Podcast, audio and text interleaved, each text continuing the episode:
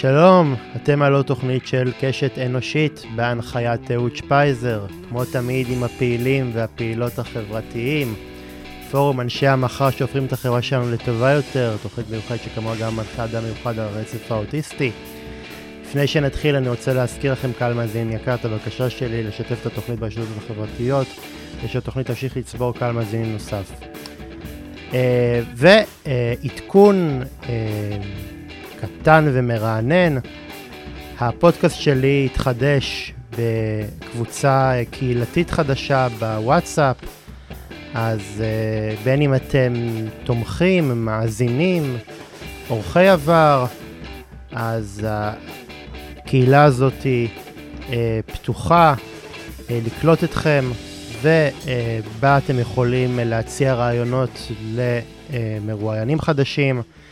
לשלוט בתכנים, להציע לי שאלות מהקהל, כדי שנוכל לשמור על קשר, במיוחד בתקופה כזאת, שבה אנחנו כל כך כל כך צריכים את הקשר הבלתי אמצעי הזה, את החום האנושי, וגם כדי שאני אמשיך להמציא את עצמי מחדש ולהביא עוד אורחים מעניינים. שימשיכו לצבוע את עולמנו בשלל גווני הקשת.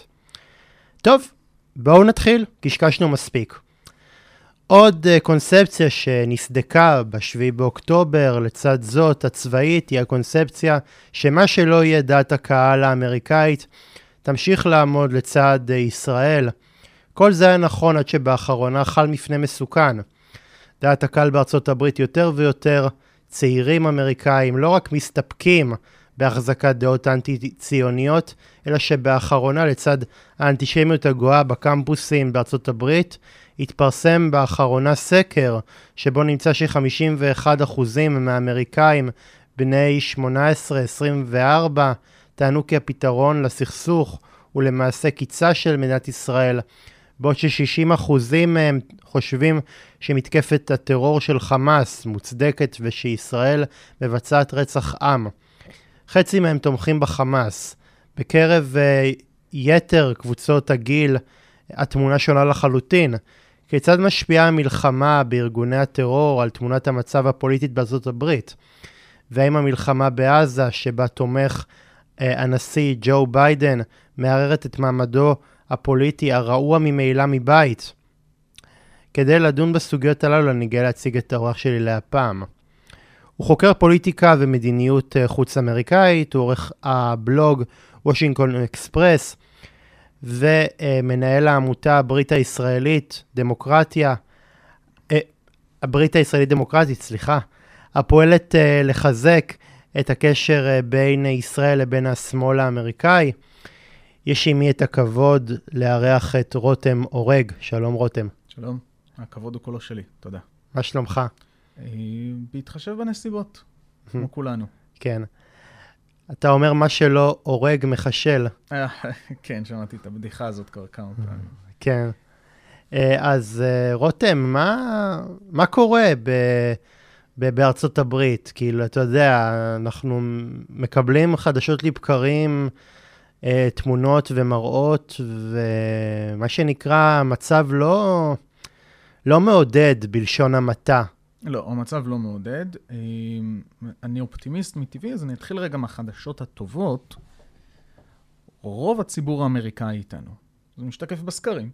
גם בקבוצות הכי קשות, אה, שזה באמת, כמו שהזכרת, צעירים בני 18 עד 24, זה פחות או יותר חצי-חצי, וגם ספציפית הסקר ש...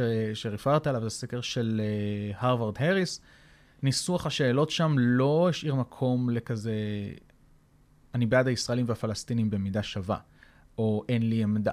או שאני בעד או שאני נגד, וזה ניסוח קצת בעייתי. וכמובן, בקבוצות אוכלוסייה מבוגרות יותר, מצבנו באמת טוב יותר. אנחנו גם רואים את זה, אה, לפחות אני הרגשתי ככה, אני, ה-7 באוקטובר תפס אותי כשהייתי בארצות הברית, וממש הרגשתי את זה באמריקאי ברחוב. הברמן, הנהג אובר, הדיילות, אמריקאים מן השורה, שהאינסטינקט שלהם היה להגיד, אני עם ישראל, אני יודע מי, מי הטובים פה. וזה לא משנה מה אני חושב פוליטית על הסכסוך, או על, או על ביידן, או מה שזה לא יהיה. ברור לי מי הטובים. עד כאן החדשות הטובות, מכאן זה הולך ומידרדר. מי שמתעסק בתחום הזה של דעת קהל אמריקאית ושל יחסי ארה"ב-ישראל, אנחנו כבר יודעים שנים שככל שאתה יורד בגיל, אמ, מידת ההזדהות הרגשית שלך, עוד לפני התמיכה אה, עם ישראל, היא נמצאת במגמת ירידה, וזה נובע משילוב של סיבות. חלק מזה זה, באמת, אני מרשה לעצמי להגיד, בורות אה, לגבי מה זה ישראל, מה זה החמאס, מה ההיסטוריה ביניהם, מה ההיסטוריה בין ישראל והפלסטינים בכלל. חלק מזה קשור בקיפאון בנוגע לתהליך המדיני. אנחנו כחברה הפכנו לחברה מאוד סקפטית לגבי שלום, והאמריקאים לא עברו תהליך דומה. וחלק מזה קשור בזה שקטר מזרימה כסף לאוניברסיטאות כדי להשפיע על תוכניות הלימוד, וחלק מזה קשור בעלייה של ערכים פרוגרסיביים, ובטח עוד נדבר על זה בהמשך. זאת אומרת, יש פה, יש פה אוסף של סיבות שמייצרות מסה קריטית, אה, שגורמות לתופעה הבאמת מדאיגה הזו בדעת הקהל, בעיקר אצל צעירים. והדבר הכי חשוב להגיד עליה זה ש... כמו שאמרתי, זה, זה אוסף. לא נכון להצביע על סיבה אחת כזו או אחרת של זה הראש הנחש של המזימה להסיט את השמאל האמריקאי נגד ישראל.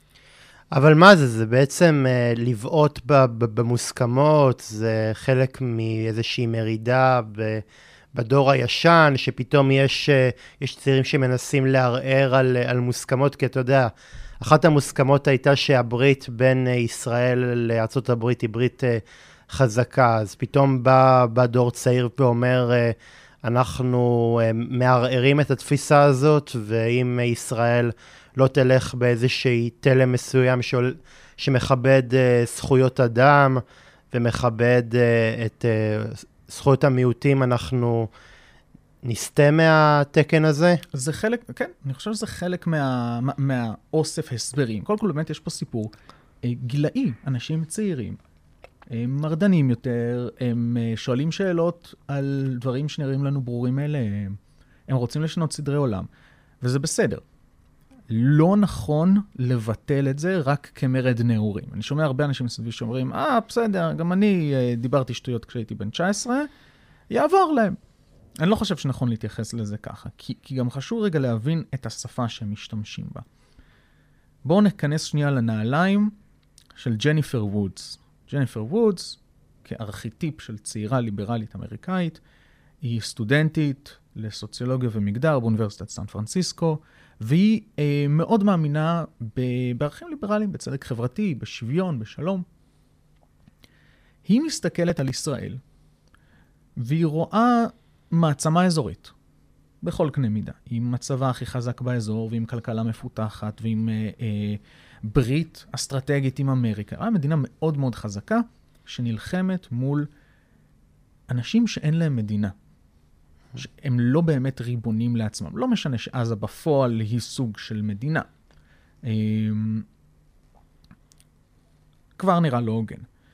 כשאנחנו מוסיפים לזה שנייה גם את הסיפור של אה, פוליטיקת זהויות, והתפיסה השגויה של ישראל כאיזו מדינה לבלה, לבנה, אירופאית, קולוניאליסטית, שכובשת שטח שהוא לא שלה, ואת התפיסה של הפלסטינים כ... אה, בארצות הברית אומרים להגיד people of color, זאת אומרת, כל מי שאינם לבנים, אה, שמדוכאים, אז זה עוד שכבה לתפיסה הלא הוגנת של ג'ניפר וודס, ואז כשאנחנו מוסיפים לזה את העובדה שישראל טוענת ובצדק, שהיא דמוקרטיה, שאכפת לה מזכויות אדם, אה, כל מנהיג אמריקאי ששווה משהו אה, הבהיר שישראל היא בעלת ברית חשובה של ארצות הברית. ואז ג'ניפר וודס מסתכלת ואומרת, רגע, רגע, אם היא בעלת ברית שלנו והיא כזאת דמוקרטיה ליברלית כמו שאתם אומרים, למה יש 20 אלף עזתים הרוגים במלחמה הזאת? זה לא קורה, אין אף דמוקרטיה אחרת שנלחמת ככה. אולי זה לא נכון, אולי ישראל היא לא כזו בעלת ברית חשובה כמו שאמרו לנו. אולי אנחנו צריכים לדרוש ממנה סטנדרט אחר, אם היא כזו דמוקרטיה ליברלית כמו שאומרים.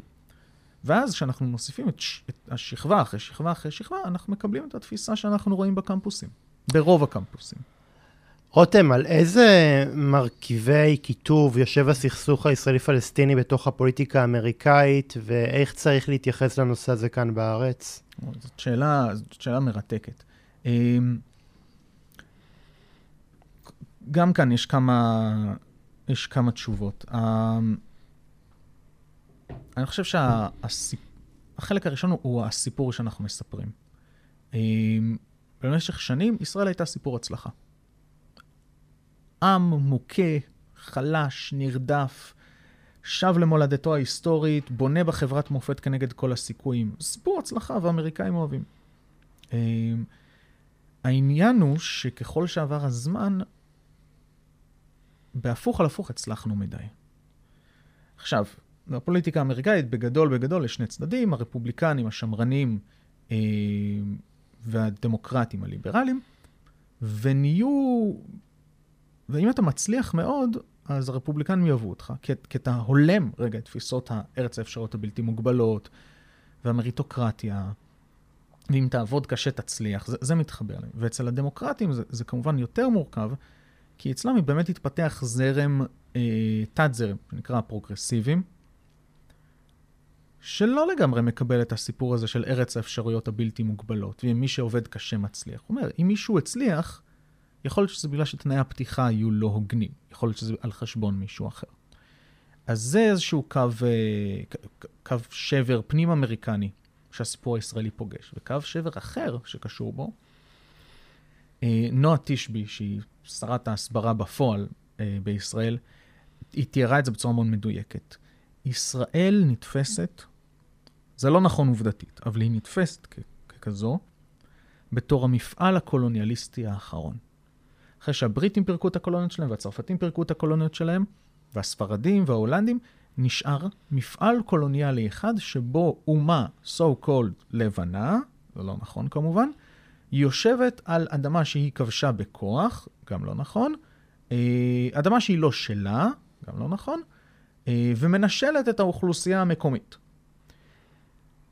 וכששוב, אני מחזור אותנו לדוגמה של ג'ניפר וודס, שאכפת לה מצדק. היא מסתכלת על הסכסוך הישראלי-פלסטיני, ומה שמהדהדים לה בראש שני סיפורים.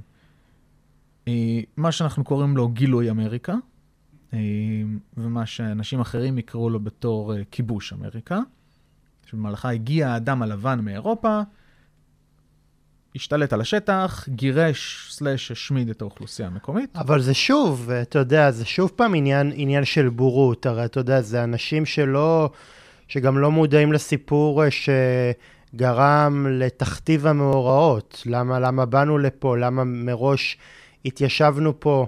את, אז, אז זה חצי נכון, כי, כי יהיו, יהיו בורים. בסדר, אבל תשמע, בור, בורות זה משהו שאנחנו כמדינה צריכים... למצוא לו פתרון. ו- ואתה יודע, אומרים, אומרים על ישראל באיזושהי מין, אה, מין איזשהו משפט אה, שגור כזה, שאין ל- לישראל מדיניות חוץ. נכון, ו- אלא רק פוליטיקה ו- פנימית. ואנחנו רואים שבאמת אה, משרד החוץ אה, התפרק, יושב שם איזה דחליל שנקרא אלי כהן. ולמעשה מי שצריך אה, לתפוס את הוואקום הזה זה כל מיני אנשים עם יוזמות אזרחיות עושים עבודה בהסברה יותר טובה, עושים תוכנית בהסברה פחות טובה, אבל הם עושים את זה. אז זה נכון, ו- ויש כשלים מבניים, אפשר לדבר עליהם. יש בורות בצד האמריקאי, בכלל בעולם, זה לא נכון רק לפתור את זה כבורות. כי צריך לזכור, אנחנו חיים בעידן טכנולוגי שבו בשנייה אפשר לגלות אה, כמעט הכל. השאלה היא איך אנחנו מארגנים את המידע הזה. איך אנחנו, איך אנחנו מספרים את הסיפור שרכיבי המידע האלה, כולל הסיבות ההיסטוריות להקמתה של מדינת ישראל, משתלבים בו. אני יכול לספר סיפור, זה גם מה שאני עושה במסגרת הכובע שלי בברית הישראלית דמוקרטית, שאומר, הקמתה של מדינת ישראל היא צדק היסטורי לעם היהודי. היא לא הייתה אמורה להיות על חשבון אה, הערבים שחיו פה. ו... ואנחנו עדיין צריכים לפעול לתקן כדי שנגיע למצב שבו נוכל לחיות side by side. אני לא יודע מה, איך נראה הפתרון, או, או מה, מה צריך להיות אה, בהסכם מדיני עתידי, אבל זה, זה הסיפור שאני מספר, ואני חושב שליברלים באמריקה יכולים להזדהות איתו. הסיפור הזה מבוסס על עובדות, אני לא ממציא כלום. אותו סיפור, או אותן עובדות, יותר נכון, אה, יכול צעיר אמריקאי להשתמש ולהגיד, תשמעו, זה שהייתה שואה, זה לא תירוץ לכבוש את האוכלוסייה, את האוכלוסייה הפלסטינית הילידית. זה שהייתה אנטישמיות באירופה, זה לא תירוץ לכבוש ארץ שהייתם בה, כי הייתם בה לפני אלפיים שנה. עכשיו זה גם נרטיב שמבוסס בעובדות, הוא פשוט נרטיב שגוי מבחינה מוסרית בעיניי, ואיתו יש לי ויכוח. אבל אני, אני, זה ממש חשוב להדגיש, כי זה מתחבר גם לשיח על הסברה. אנחנו חיים בעולם עם התפוצצות מידע. יש אנשים שלא יודעים, ואין להם את מקורות המידע, או שמקורות המידע שלהם שגויים, וצריך לטפל בזה בזהירות. יש אנשים שיודעים. יודעים יותר, יודעים פחות, אבל יש אנשים שיודעים. וגם עם זה צריך להתמודד.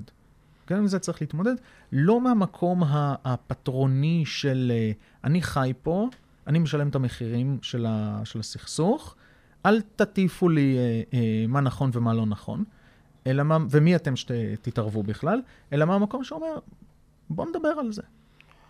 אולי, אולי בגלל אה, שאנחנו חיים ב, בתקופה שהיא באיזשהו מקום, אתה יודע, אנחנו, מדינת ישראל תציין 76 שנים להקמתה, ואתה יודע, אמ, אז באיזשהו מקום, אתה יודע, ממרחק של זמן כבר אנשים באיזשהו מקום מתחילים uh, לשכתב את ההיסטוריה ומתחילים לכתוב איזושהי היסטוריה שהיא יותר משרתת את, ה, את האידיאולוגיה שלה. ואני חושב ש... שלמשבצת הזאת היא באמת uh, ישראל צריכה יותר אל, אל, לראות לאן נושבת הרוח במקומות שבהם uh, לא יעשו uh, חיים קלים לנרטיב שלנו, ואנחנו באיזשהו מקום צריכים להבין שהנסיבות השתנו, המציאות השתנתה, וכבר, וכבר, ומה שעבד uh, בשנות ה-50 וה-60 כבר לא כבר לא עובד בנסיבות המשתנות, ולדעתי כל הזמן לדבר על נרטיב היסטורי ועל מה קרה, זה באיזשהו מקום אולי תפס פעם וכבר לא תופס uh, להיום כשכבר... אנחנו מדינה שממאנת לפתור את הסכסוך הישראלי-פלסטיני.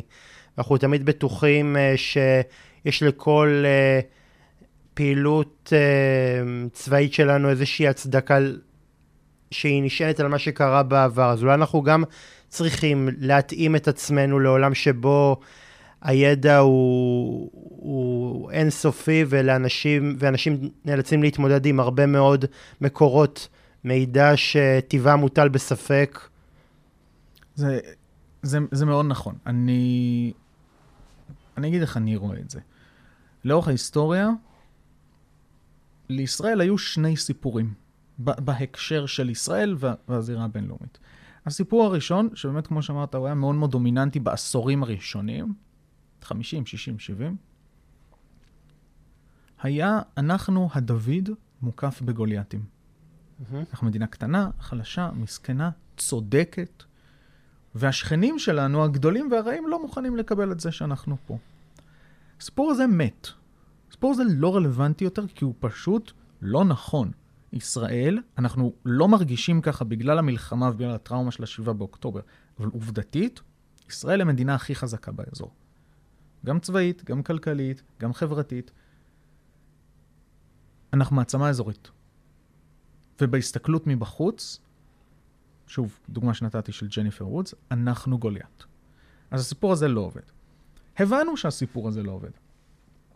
ובעיקר בשני העשורים האחרונים התפתח איזשהו סיפור אחר, שכותרת הגג שלו היא הצד היפה. הבנו ש... דוד מוקף גוליית אם לא עובד, ואנחנו יודעים שיש בישראל צד שאנחנו לא כל כך גאים בו, שזה הימשכות הסכסוך, והמלחמות, והאלימות, והגזענות, ודברים אחרים אה, שנוכחים בחברה הישראלית. אז אמרנו, יש את הצד הזה, אבל יש גם את הצד היפה של ישראל. בואו נדבר עליו.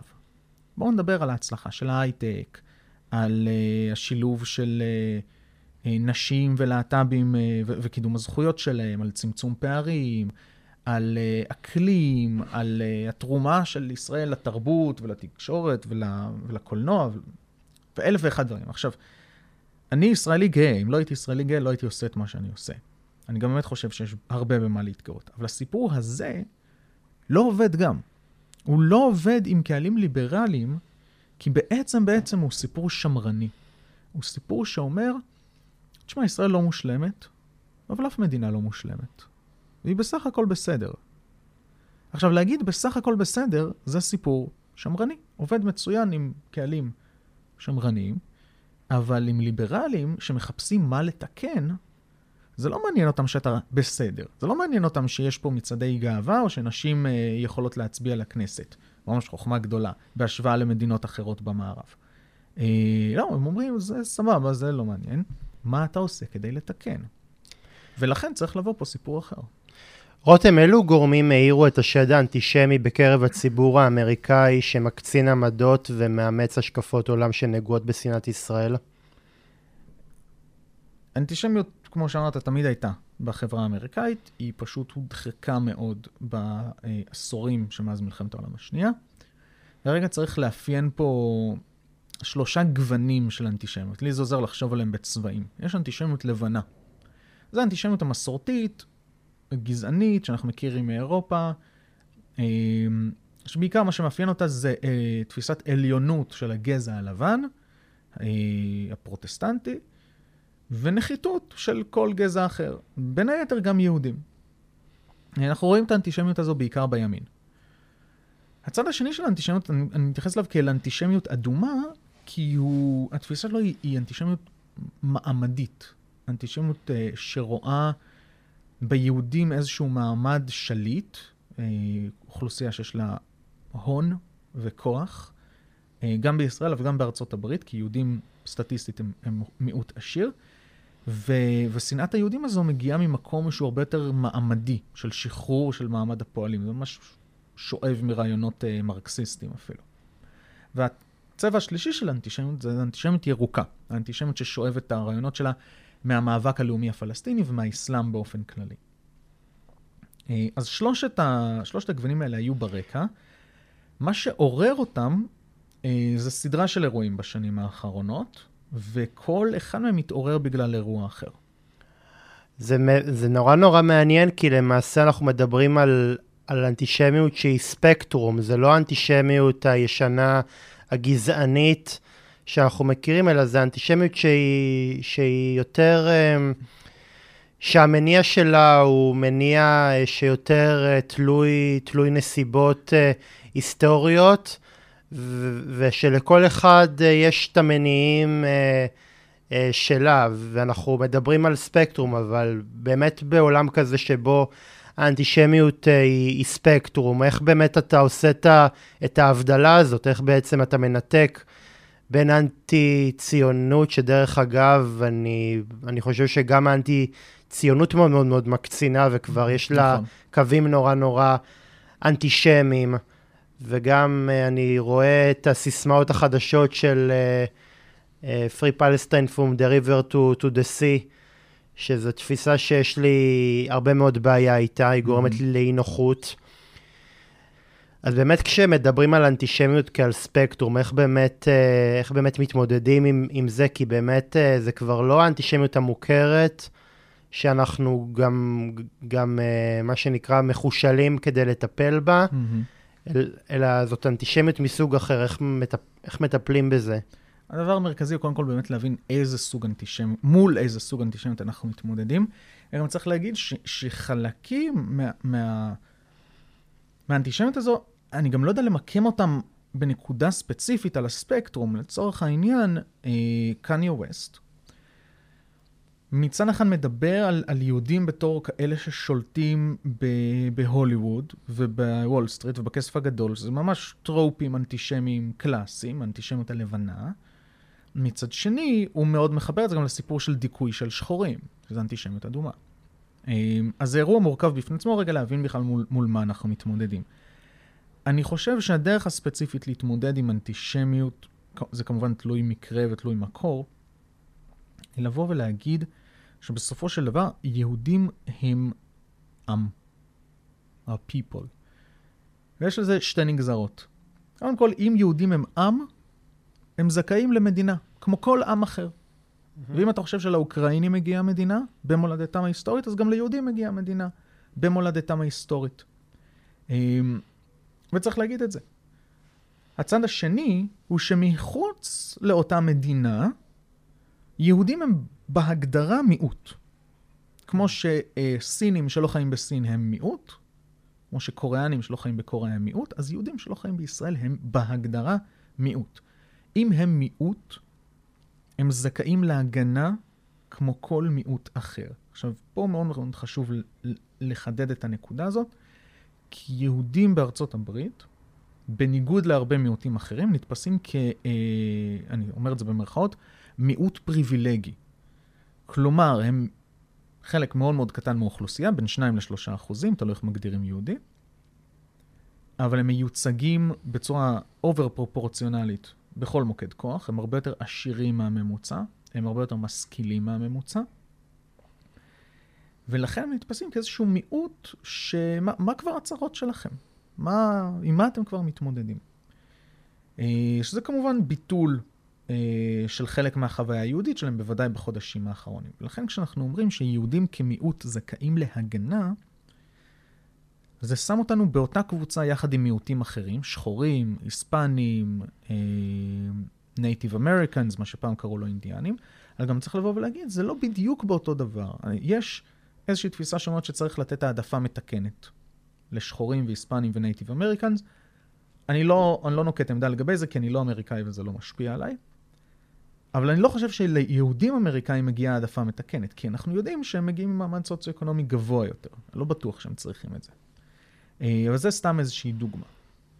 הרעיון הוא בשורה התחתונה להגדיר את היהודים כעם, מה שיש לו כאמור שתי נגזרות. מגיעה להם מדינה, כמו כל עם אחר, מחוץ למדינה הזו הם מיעוט, ולכן מגיעות להם הגנות כמו כל מיעוט אחר. רותם, כיצד uh, כל התמיכה האמריקאית uh, בסבב, בסבב המלחמה מול עזה מהווה גורם ששוחק את uh, התמיכה הציבורית בביידן, שגם ככה, יש להגיד, נמצאת בשפל? זה נכון. ביידן נשיא לא פופולרי, והוא נשיא לא פופולרי מסיבות שבי, שלא קשורות במלחמה. שתי הסיבות העיקריות שפוגעות בו בהקשר הזה הן הכלכלה, ובעיקר יוקר המחיה, שעדיין לא הצליחו להתגבר עליו מאז שהוא זינק לפני כשנתיים, והגיל שלו. ביידן בן 81, הנשיא המבוגר בהיסטוריה. יש חשש אמיתי של הרבה אנשים, כולל הרבה שהצביעו לו, שהוא לא כשיר לנהל את אמריקה ואת העולם. המלחמה אה, מוסיפה לזה, והיא מוסיפה משני, משני הכיוונים.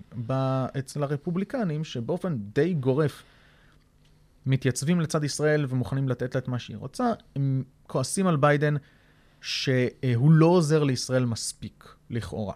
עכשיו, זה לא מרגש אותי, כי הרפובליקנים היו כועסים על ביידן גם אם הוא היה עושה שלום עולמי.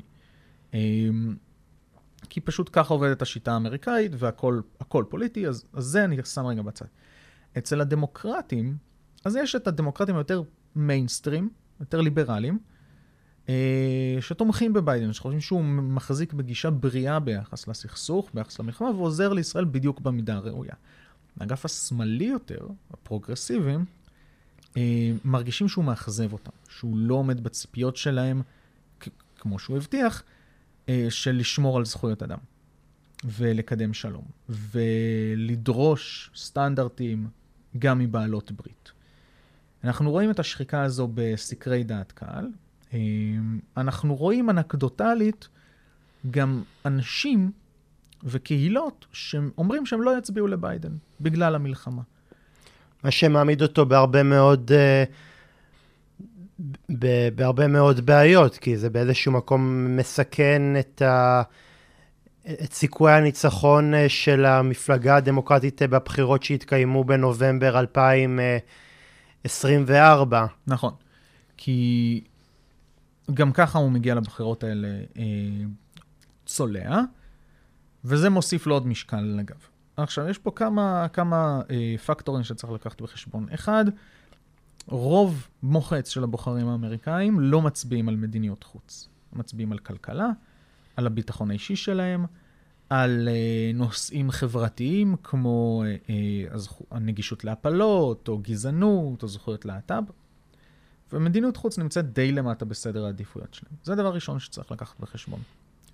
דבר שני, ככל שנתקרב לבחירות, יותר ויותר מצביעים השתכנעו, זו הערכתי, שבסוף אה, אה, פוליטיקה זה לא חתונה קתולית, שאם המועמד הוא לא בדיוק מה שאנחנו מחפשים, אז אנחנו לא נבחר בו. פוליטיקה זה כמו תחנת אוטובוס. זה כמו תחבורה ציבורית. אם לא מגיע האוטובוס שלוקח אותך בדיוק לאן שאתה רוצה, אתה לוקח את האוטובוס שמביא אותך הכי קרוב. וככל שהתקרבו הבחירות, יותר ויותר מצביעים, להערכתי, ייזכרו שבסוף יש פה בחירה בין שתי האופציות. בין בסבירות גבוהה ביידן, על כל מגרעותיו, לבין בסבירות גבוהה טראמפ, עם כל מגרעותיו. ורוב המצביעים של ביידן, להבנתי, מתוך החשש שטראמפ יחזור, יהיו מוכנים, מה שנקרא, לבלוע את הצפרדע, ולהצביע לביידן, גם אם הם לא אוהבים את המדיניות שלו בנושא אבל, הזה. אבל, אבל אני חושב שזה די, די טרגי שארצות הברית, המעצמה הליברלית, אה, מה שנקרא המגדלור של המערב, זה, זה מה שיש לה להציע. מועמד אחד, ברווז צולע, אה, מבוגר מאוד מכפי גילו, שבאמת אה, רשם הישגים, יש להגיד, לא מבוטלים בקריירה הפוליטית שלו, אבל כנראה כבר, אה, כבר הגיל עושה את שלו, וכנראה בגלל מגבלת הגיל הוא צריך אה, להסיר את מועמדותו, לבין אדם ש... שרצים מעליו, ויש נגדו האשמות פליליות מאוד מאוד חמורות. זה כל מה שה... האומה הזאת ידעה להנפיק, זה, זה די טרגי. זה די טרגי, רק שאני לא מסכים שזה מה שכל האומה הזו ידעה להנפיק. טראמפ וביידן הגיעו לנקודה שבה הם הגיעו, כי הציבור בחר בהם.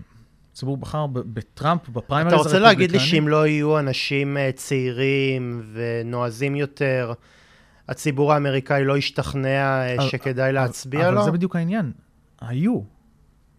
היו התמודד... ביידן ניצח יותר מ-20 מועמדים בפריימריז ב-2020, כולל מועמדים צעירים ומבטיחים ומוכשרים, וגם מועמדים פחות צעירים אבל מבטיחים ומוכשרים. טראמפ ניצח בפריימריז ב-2016 אה, בתור, מה שבהתחלה היה קוריוז, אנחנו שוכחים, וגם עכשיו, אה, כשאני מסתכל על האנשים שמתמודדים מולו, הם, הם אנשים מוכשרים, הם אנשים עם יכולות. אה, הם אנשים שבהחלט ראויים להנהיג מדינה. אה, ובכל זאת, הציבור, הציבור בוחר, אנחנו צריכים לכבד שנייה את הבחירה של הציבור, גם כי אנחנו מאמינים בדמוקרטיה, אבל גם באופן המחקרי, אה, אחד הדברים שלימדו אותי כש, כשלמדנו מחקר מנהיגים, זה עוד כשהייתי בצבא, זה שיש שתי גישות להבין מנהיג. יש את הגישה שאומרת שמנהיג הוא איזה אה, נקודה ארכימדית בהיסטוריה, וההיסטוריה זה פשוט אוסף הדברים שמנהיגים עשו, ואז כזה, אנחנו מסתכלים על אנשים כמו, כמו ישו, שאדם אחד בודד שפשוט שינה את ההיסטוריה, ודרך אחרת להסתכל על מנהיגים, זה כעל, אה, כעל תאונה, תאונה היסטורית. Mm-hmm. אבל הדוגמה שתמיד נתנו לנו הייתה אה, של אדולף היטלר. היטלר לא יום אחד פשוט נהיה פירר של גרמניה. הוא נבחר, הוא צמח, הוא צבר תומכים. בגלל תהליכים חברתיים ופוליטיים וכלכליים שקרו בגרמניה בשנות ה-20 וה-30. וגם אם היטלר היה מת במלחמת העולם הראשונה, מישהו אחר היה עולה במקומו, וכנראה שהוא היה די דומה לו. זה לפי התפיסה הזו. אני חושב שהתפיסה הזו, שביחסים בינלאומיים קוראים לה התפיסה הקונסטרוקטיביסטית, היא מאוד מאוד נכונה כשאנחנו מדברים בוודאי על טראמפ. אני באמת חושב שאם טראמפ לא היה רץ לפוליטי... לא, היה רץ לנשיאות, מועמד אחר, פופוליסט, אה, אה, עם, כמו שאמרת, עם קופת שרצים, היה רץ במקומו. ו... ולגבי ביידן אני גם חושב שיש בזה משהו נכון, ששניהם הגיעו לעמדות שהם הגיעו להם בגלל תהליכי עומק בחברה האמריקאית. אה, רותם, איזה תפקיד תופס תופס את המלחמה אה, בעזה בפריימריז של המפלגה הרפובליקנית? תפקיד די קטן. אה, בוחרים הם כמו שאמרתי, רובם מצביעים על עמדות אה, בנושאי פנים.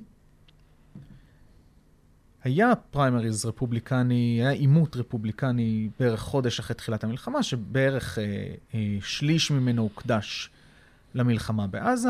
אה, אותי זה לא עניין כל כך, כי, כי באמת לא ראיתי איזשהו מתח אידיאולוגי בין, ה, בין המשתתפים. פשוט התווכחו ביניהם מי הכי תומך בישראל. אה, אבל כאמור, זה, זה תופס נתח די, די שולי, בטח בפריימריז. אמ, כיצד אה, התגובה הדי צוננת והמאוד רפה מצד האוניברסיטאות האמריקאיות מול גלי האנטישמיות בקמפוסים גרם ליהודים להדק את הקשר עם מדינת ישראל ולהתנתק מהמסעד האמריקאי?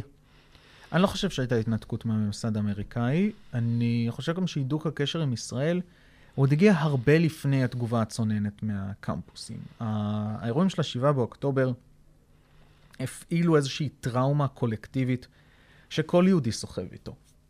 כולנו ב-DNA שלנו יש את החוויה של הרדיפה, גם אם נולדנו וגדלנו במדינת ישראל הבטוחה. אמ, יש לנו את זה, זה, זה בתרבות שלנו. ו... ואני חושב שהתגובה הרופסת של חלק מהאוניברסיטאות, אה, כולל כמה מהאוניברסיטאות הטובות בעולם, מאוד העצימה את התחושה הזאת. כלומר, ראינו, הרגשנו נרדפים, הרגשנו לא בטוחים בגלל משהו שקרה בארץ בכלל.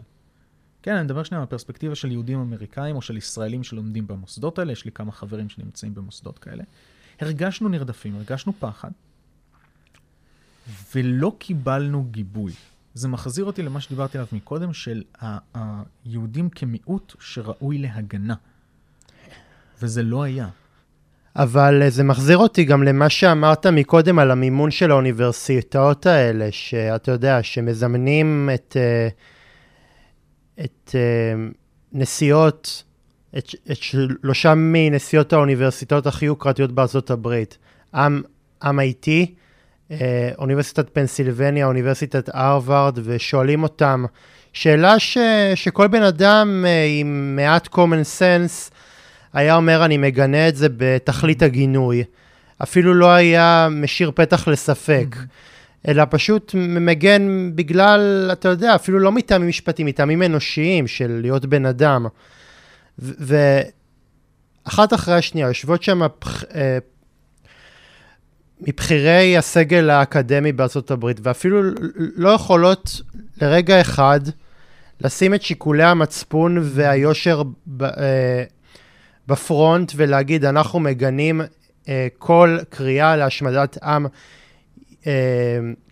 להשמדת עם, ולעומת זאת נצמדות לאיזה טיעונים טפלים משפטיים של זה תלוי בקונטקסט. אז באיזשהו מקום זה מעיד משהו, כנראה על, ה, על, על, על הניתוק, ובאיזשהו מקום גם על זה שהאוניברסיטאות האלה העדיפו בסופו של דבר שיקולים אה, אינטרסנטים, צרים, במקום לעשות את הדבר המתבקש ופשוט לגנות את הקריאות האלה.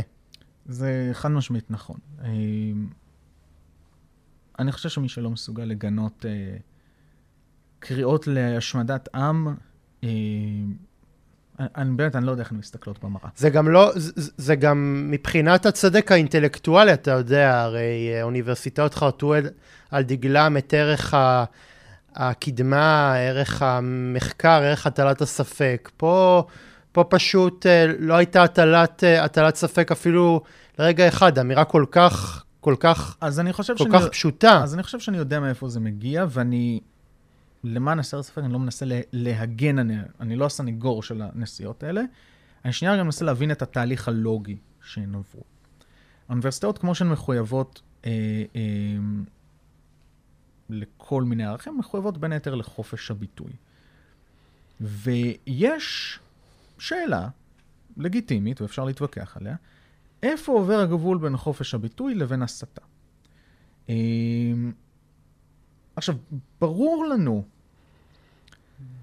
שאף אחת מהנסיעות האלה לא הייתה אומרת שהפגנה שקוראת להחזיר את העבדות של שחורים, נופלת תחת חופש הביטוי, וזה תלוי בקונטקסט. אף אחת מהן לא הייתה אומרת שלהפגין להקים תא באוניברסיטה שקורא אה, להגדיר מחדש הומוסקסואליות כמחלת נפש, זה חופש הביטוי, וזה תלוי בקונטקסט. זה ברור שלא. אז למה אצל יהודים אנחנו מנהלים את הדיון המתפלפל התיאורטי הזה? אני חושב שיש פה שתי סיבות. אחת, כי באמת לא רואים ביהודים כמיעוט. רואים אותם כחלק מקבוצת הרוב, ואם הם חלק מקבוצת הרוב, אז הסטנדרט שמופעל עליהם הוא גבוה יותר, ואם הם לא עומדים בסטנדרט הזה, אז, אז מותר לבקר אותם, אפילו לתקוף אותם בצורה חריפה יותר. הסיבה השנייה היא שהרבה, ו- וזו הסיבה אגב בעיניי, שהרבה קמפוסים, באופן ספציפי, הם זירות מאוד מאוד קשות לישראל. הקמפוס הוא אזור מאוד תיאורטי. הוא כאילו יש בזה משהו מאוד מאוד נקי. אני זוכר שגם אני כשהייתי סטודנט, היה לי מאוד מעניין ומאוד נחמד לקחת כל דבר בחיים אה, ולנתח אותו לפי התיאוריות שלמדנו. ואז מסיימים את התואר, ויוצאים לעולם האמיתי, למקומות העבודה ולחיים החברתיים שמחוץ לקולג', ו... ומתברגנים ועוברים איזושהי פרגמטיזציה ומבינים שהתיאוריות, שבהגדרה, מהי תיאוריה? היא ניסיון להסביר הכל. אבל אי אפשר להסביר הכל, וזה לא תופס, אה, והחיים כמובן יותר מורכבים. אבל כשנשארים באקדמיה לאורך זמן, שזה כנראה מה שמאפיין חלק מההנהגה בחלק מהמוסדות האקדמיים האלה, אין כל כך את החיכוך הזה עם העולם האמיתי. ואין את ההבנה שההתפלפלות על האם calls for Jewish genocide הן לגיטימיות או לא, זה לא דיון אינטלקטואלי מופשט כזה ש... שאפשר לנהל אותו, זה משמע תחושת הביטחון של אבל סטודנטים. אבל עזוב דיון אינטלקטואלי, זה מגוחך, זה פשוט מגוחך שמנסים אה, להפוך את, את הקריאות האלה ברצח ובהשמדת עם לאיזשהו דיון. אה, תיאורטי, פילוסופי, כן או לא, זה, זה הרי מגוחך, זה, זה, זה לועג לאינטליגנציה. זה בדיוק, זה בדיוק מה שאני טוען, שכשאתה יושב ב... במגדל השן האקדמי ולא רואה ולא מרגיש את ההשלכות ש, של הדיונים התיאורטיים האלה, אז קל לדמיין שהם דיונים תיאורטיים. אבל הם לא. לסטודנטים היהודים שמסתובבים בקמפוס ומרגישים לא בטוחים ללכת, זה לא דיון תיאורטי. זה לא. זה, זה, זה למה זה גם נתפס כמנותק. ברור. זה, זה היה נראה כל כך, כל כך חסר רגש, כל כך, אה, אה, מה שנקרא, אה, טכני, כל כך קר ומנוכר, ואפילו התגובה הזאת של, אה, שקרוליין גיי אה, פרסמה, אה, שהיא בדיעבד מתנצלת על זה שהיא לא הייתה מרוכזת, זה היה נראה תגובה כל כך...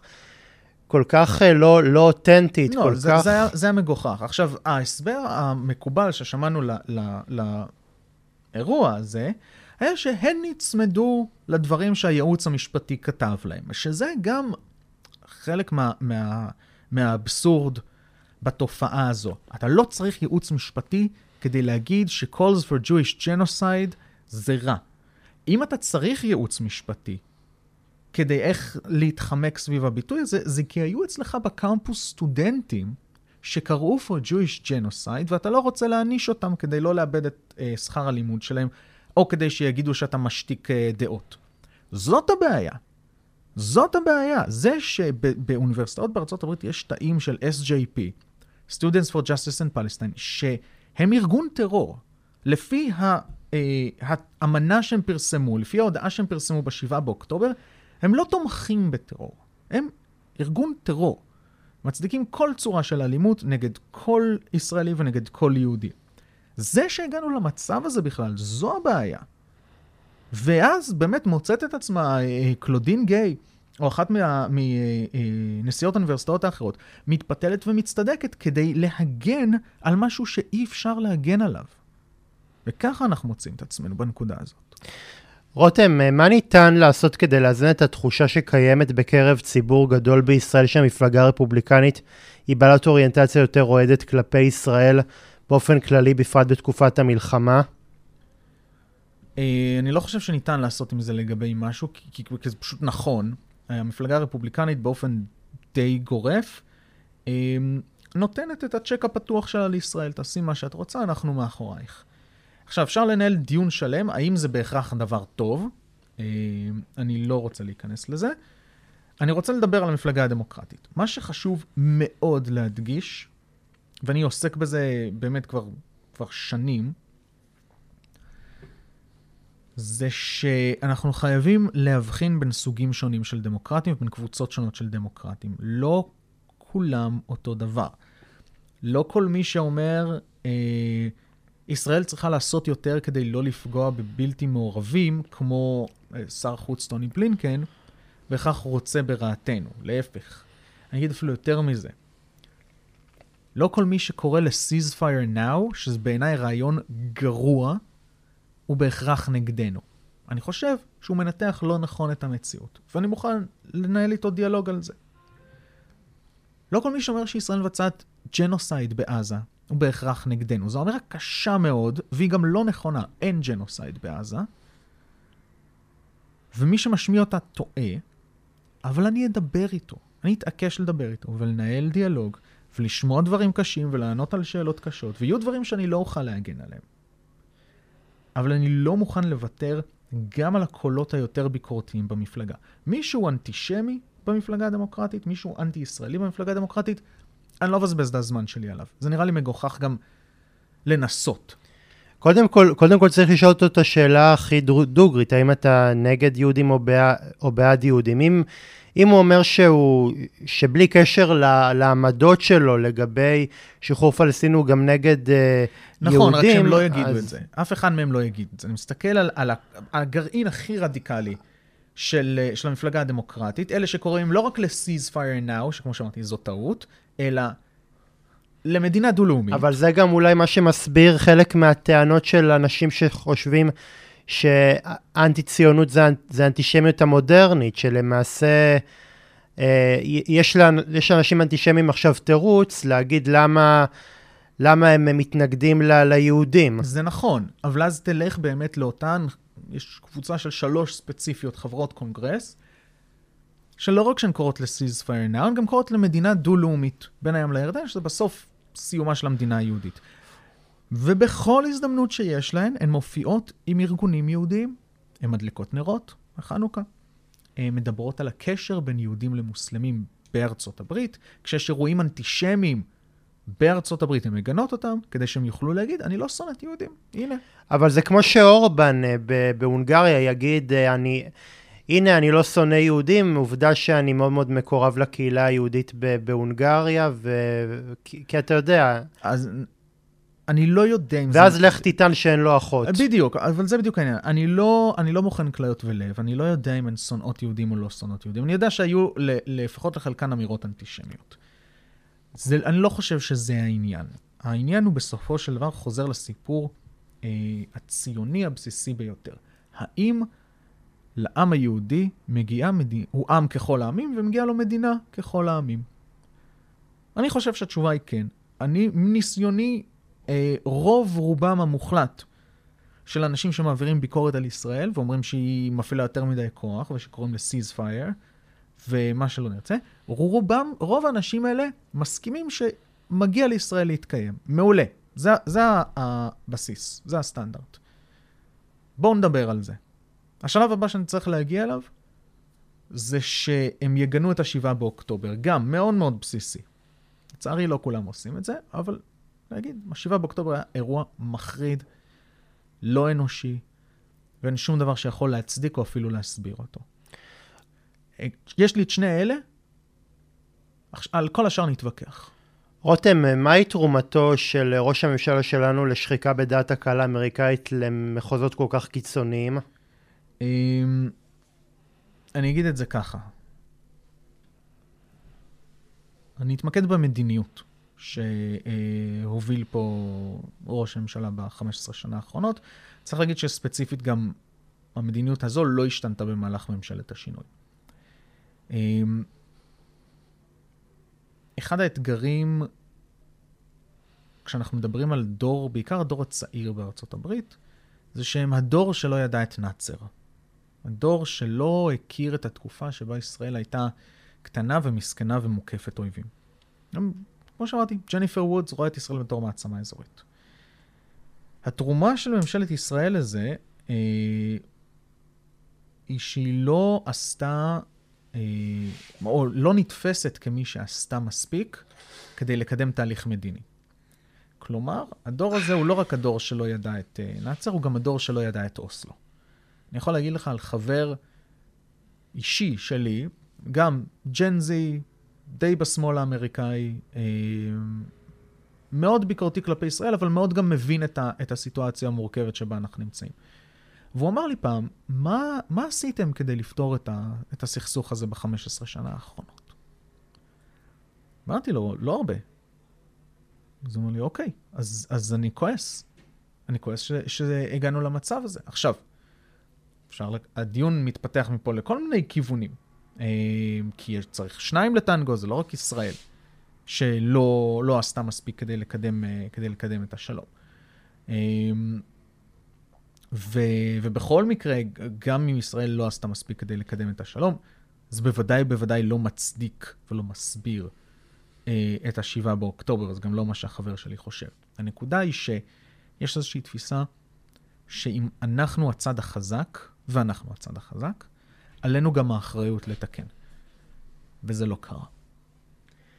רותם, אה, לקראת uh, סיום, האם אתה חוזה איזשהו תסריט שבארצות הברית לא תעמוד יותר לצד ישראל ונצטרך למצוא בעלי ברית אחרים?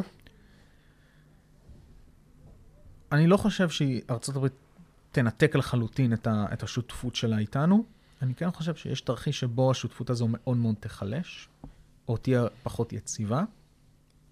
אני לא בטוח שיש לנו בעלי ברית אחרים להישען עליהם. אה, אולי מדינות באירופה, אם אני חושב על, על, על מדינות כמו גרמניה או בריטניה, אה, אבל הן לא חזקות מספיק. וגם להן יש את הציבורים שלהם שלא מתלהבים אה, מהרבה מאוד דברים שישראל עושה. וסין ורוסיה, שאני מתעסק בתחום הזה הרבה זמן, אז אותי זה לא הפתיע, אבל אני רואה הרבה אנשים סביבי שנדהמים לגלות שסין ורוסיה בוחרות בצד של הפלסטינים ושל הציר, אה, ושל הציר האיראני. אבל זה היה ידוע. זה כל הזמן הזה היה ידוע. כל חמור ידע את זה. אה, כל מי שהכיר את הדברים לעומק ידע. אני, אני, אני יכול עכשיו לחשוב כמה שזה נראה מגוחך בדיעבד על, אה, על דברים שאמר שר התפוצות אה, עמיחי שיקלי לביידן, mind your own business, את אנשים כמו איתמר בן גביר שאמרו שאנחנו כבר לא עוד כוכב בדגל האמריקאי. וזה נראה מגוחך, כי עכשיו רוב הסיוע שלנו במלחמה הזאת זה זה נשק אמריקאי. אז, אז נשאלת השאלה, אוקיי, בסדר, נניח ואתם עם הגאווה והזקפה הלאומית שלכם מאמינים, לא שזה אי פעם אה, גובה באיזושהי עובדות, כי, כי אנחנו תמיד אה, צריכים את האמריקאים בגלל, בגלל הסיוע שהיא נותנת לנו. איך חשבתם ל, לנצח את המלחמה הזאת בלי הסיוע? בלי הסיוע האמריקאי, ולמה אתם חושבים עכשיו, אחרי מה שקרה, אחרי המחדל של 7 באוקטובר, שתצליחו להתמודד לבד בלי הסיוע, אז זה ביום שאחרי. אז, אז זאת שאלה מעולה שאתה כנראה תצטרך להפנות אליהם. אמ, אני... עצוב לי מאוד שזה מה שגרם לזה, אבל אני חושב שאחת הקונספציות שנשברו הייתה הקונספציה שאפשר בלי אמריקה. אי אפשר. אי אפשר. זה לא רק הסיוע הצבאי. או הווטו במועצת הביטחון של האו"ם, או הגיבוי הדיפלומטי, או, או הקואליציה שהם עכשיו מרכיבים נגד החות'ים בים האדום. אה, אה, ישראל, בלי הברית עם אמריקה, ואני ממש בימים אלה כותב ספר בדיוק על זה, היא לא ישראל כמו שאנחנו מכירים אותה. עכשיו, יבואו ויגידו, מה, אבל בשנות ה-60 אה, לא הייתה לנו ברית עם אמריקה והסתדרנו. כן, אבל אף אחד פה לא רוצה לחזור לחיות כמו שחיינו בשנות ה-60, עם אותה רמת חיים, אה, ועם אותו, אותו צבא אה, שהוא באמת כמה דורות אחורה לעומת הצבא שיש לנו היום. אז הברית עם אמריקה היא אבן הראשה, לא רק של הביטחון הלאומי של ישראל, של, של הקיום שלה. אנחנו נסתדר בלי, אבל אנחנו נראה הרבה הרבה הרבה פחות טוב. רותם, לסיום, האם אתה מוטרד בקשר לאפשרות אה, שנמצא את עצמנו אה, שוב עם דונלד טראמפ בכהונה שנייה בבית הלבן? אני מוטרד מדברים מסוימים שהוא יכול או רוצה לקדם.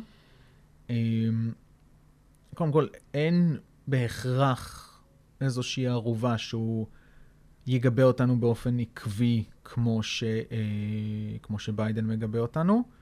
אה, למרות שאני באופן אישי מעריך שכן, אה, גם כי שם הוא נמצא מבחינה רגשית, גם כי בטח הקבינט שלו יהיה כזה.